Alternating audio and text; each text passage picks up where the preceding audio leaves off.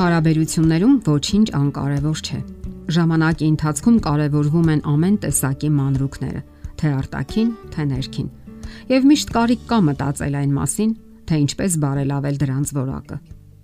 Դուք գուցե պայծառ լավատեսությամբ մտածում եք, թե դրանք չեն փչացնի ձեր հիանալի սերը,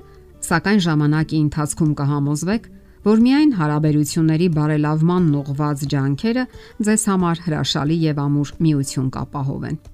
Իսկ դուք, սիրելի երիտասարդներ, ինչպես եք գնահատում ձեր հարաբերությունները։ Գիտեք այն մասին, որ թե երիտասարդական եւ թե ամուսնական կյանքի յուրաքանչյուր պահի դուք կարող եք եւ պարտավոր եք պայքարել հարաբերությունների բարելավման համար։ Դա գործընթաց է, որը երբեք չի դադարում ոչ մի օր։ Յուրաքանչյուր պահի դուք կարող եք խորացնել հարաբերությունները եւ նոր որակ ու շունչ հաղորդել դրան ձեր ջերմությամբ ու լավի նորի որոնումներով։ Եթե իհարկե ցանկություն կա։ Ցանկություն այն բանի, որ հենց այս պահին մտածեք, թե ինչպես եք անցկացնելու ձեր հետագա միաբանության տարիները։ Ինչպես եք հրաժեշտ տալու առավոտյան եւ ինչպես եք վերադառնալու տուն հոգնած, սակայն լի սпасման անհամբերությամբ։ Ամուսնական կյանքն իր մեջ կարող է ձանձրույթի եւ տախտուկի տարրեր պարունակել այն մարդկանց համար, ովքեր երանդուն որոնումների մեջ չեն։ Ովքեր կնոջ մեջ տեսնում են հոգնած տանտիկին եւ կին, այլ ոչ թե տանթագուհի, ով սпасում է իր արքայազնին ով հոգնել է տունը կարքին սարքին պահելու ջանքերից եւ արդեն սпасում է շնորհակալական ու գովեստի խոսքերի իր անդուլ ջանքերի համար։ Իսկ երբ տղամարդը միայն անհասկանալի բառեր է արտաբերում տուն մտնելիս եւ անցնում իր աշխարը, շրջանակը պարզապես փակվում է։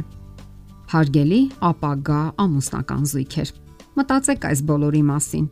որ կներկայացնենք ձեր ուշադրությանը։ Հաշվի առեք, որ թեկուս կարճատև բաժանումից հետո ջերմ ողջույնը կարող է դրական ազդեցություն գործել տղամարդու եւ կնոջ վրա։ Երեկոյան շփման մի քանի րոպեները կարող են մեծապես փոխել ձեր հարաբերությունները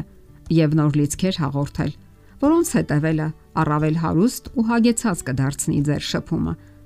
Ամենից առաջ մտովի պատկերացրեք ձեր հանդիպումը եւ թե ինչպես եք դիմավորելու նրան։ Մտածեք ինչ որ հաճելի բանի մասին։ Քիչ չեն այն զույգերը, ովքեր ծրագրավորում են, թե ինչպես դուրս թափեն իրենց բացասական հույզերը եւ դրանք պարպեն դիմացինի վրա։ Դրա փոխարեն աշխատեք հիշել եւ մտովի պատմել անցյալ օրից որևէ դրական դեպք կամ իրադարձություն, որի մասին ցանկանում եք խոսել ձեր ամուսնու հետ։ Հարցերը, հերախոսային զանգերը կամ ոչ էական հիմնախնդիրները կարելի է քննարկել ավելի ուշ։ Ճանապարհին մտածեք, թե ինչպես կարող եք իսկապես օրհնություն դառնալ ձեր ընկերոջ համար։ Երբեմն կարճ նախնական զանգ կարող եք ուղարկել կարգավորելու հանդիպումը իսկ շատ բան արդեն կախված է կողմերի ստեղծագործական մոտեցումից։ Իսկ արտակինը երբեք անկարևոր չէ։ Դա վերաբերում է երկու կողմերին էլ, եւ այն սկսվում է արդեն երիտասարդական հարաբերություններից։ Այսպես, միմյանց վրա նետած առաջին հայացքը մեծ ազդեցություն է գործում ձեր ողջ վարքագծի վրա, ողջ հետագա երեկոյի ընթացքում։ Աղջիկը կարող է կոկիկ ու խնամքով հակնված դիմավորել ընկերոջը, իսկ մի քանի կաթիլ հաճելի անուշահոտ օծանելիքը միայն կընդգծի նրա կանացիությունը։ Այս դեպքում բնական է, որ նա դրական պատասխան կստանա իր դիմացինից։ Տղամարդիկ նույնպես կարող են հաճելի տեսքով ներկայանալ կնոջը։ Թափթփված, ճմրթված հագուստը, կեղտոտ ոչ կոկի կարտակինը, տհաճ հոտերը հաստատ դրական ազդեցություն չեն թողնում լոգանքը, սանրվածքը, սափրված դեմքը, համապատասխան բույրերը անկասկած դրական տրամադրվածություն կստեղծեն։ Մարդու արտաքին տեսքը շատ բան կարող է պատմել այն մասին, թե ինչպես է վերաբերվում նա իրեն եւ իր զուգընկերոջը։ Մի խոսքով աշխատեք գրավիչ տեսք ունենալ միմյանց համար։ Ինչից զրուցել։ Կարող եք պատմել նաև օրվա ընթացքում ձեզ հետ տեղի ունեցած որևէ հետաքրքիր կամ զվարճալի դեպք Մտածեք ինչպես շափհատը մի անգամ ողջունել ինչ որ անսովոր ձևով, առանձնահատուկ։ Կարող եք փոքրիկ անակնկալ պատրաստել։ Այդ բոլորը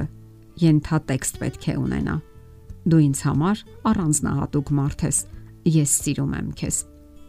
Փորձելով ամփոփել, ասենք, որ նախքան որևէ հիմնախնդիր լուծելը, նախ հնարավորություն տվեք միմյանց թուլանալու։ Եթե ձեր տրամադրությունը վատ է, դա մի պարտադրեք դիմացինին։ Միգուցե ինքը հարցնի այդ մասին, եւ դուք միասին փորձեք հաղթահարել անախորժ իրավիճակը։ Ասենք որ դուք երկուստդ էլ պետք է ջանք անեք հաճելի ու խաղաղ մտնոլորտ ապահովելու համար։ Իսկ բոլոր դեպքերում կարող եք դիմացինին ասել ձեր ցանկությունների եւ նախասիրությունների մասին, թե ինչպես կցանկանայիք հանգստանալ, եւ այստեղ հարկավոր է ընթառաջ գնալ միմյանց։ Շատերն այն կարծիքին են, որ մեր ամենօրյա վարքագիծը, շարժուձևը ոչ մի նշանակություն չունի, սակայն փաստ է,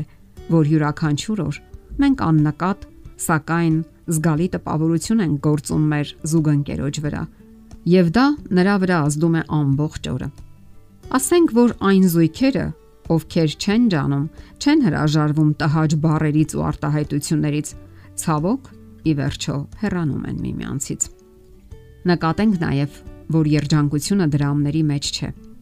Այսօր շատ է շեշտադրվում դրամը։ Սակայն լսենք քաղաքական նշանավոր գործիչ Բենջամին Ֆրանկլինին։ Դրամները երբեք չեն երջանկացրել եւ չեն երջանկացնի մարդուն։ Նրանց բնույթի մեջ չկա այնպիսի մի բան, որ կարողանա երջանկություն ապարգևել։ Որքան շատ է մարդը ունենում, այնքան շատ է նա ցանկանում։ Այդ նույն միտքն է արտահայտում Սուխորուկովը։ Երջանկությունը ոչ թե դրամների մեջ է, այլ դրանց բացակայության պայմաններում երջանիկ լինելու մեջ։ Գտեք ձեր երջանկությունը։ Եթերում ճանապարհ երկուսով հաղորդաշարներ։ Ձեզ հետ է Գեղեցիկ Մարտիրոսյանը։ Հարցերի եւ առաջարկությունների դեպքում զանգահարեք 094 08 2093 հեռախոսահամարով։ Հետևեք մեզ hopmedia.am հասցեով։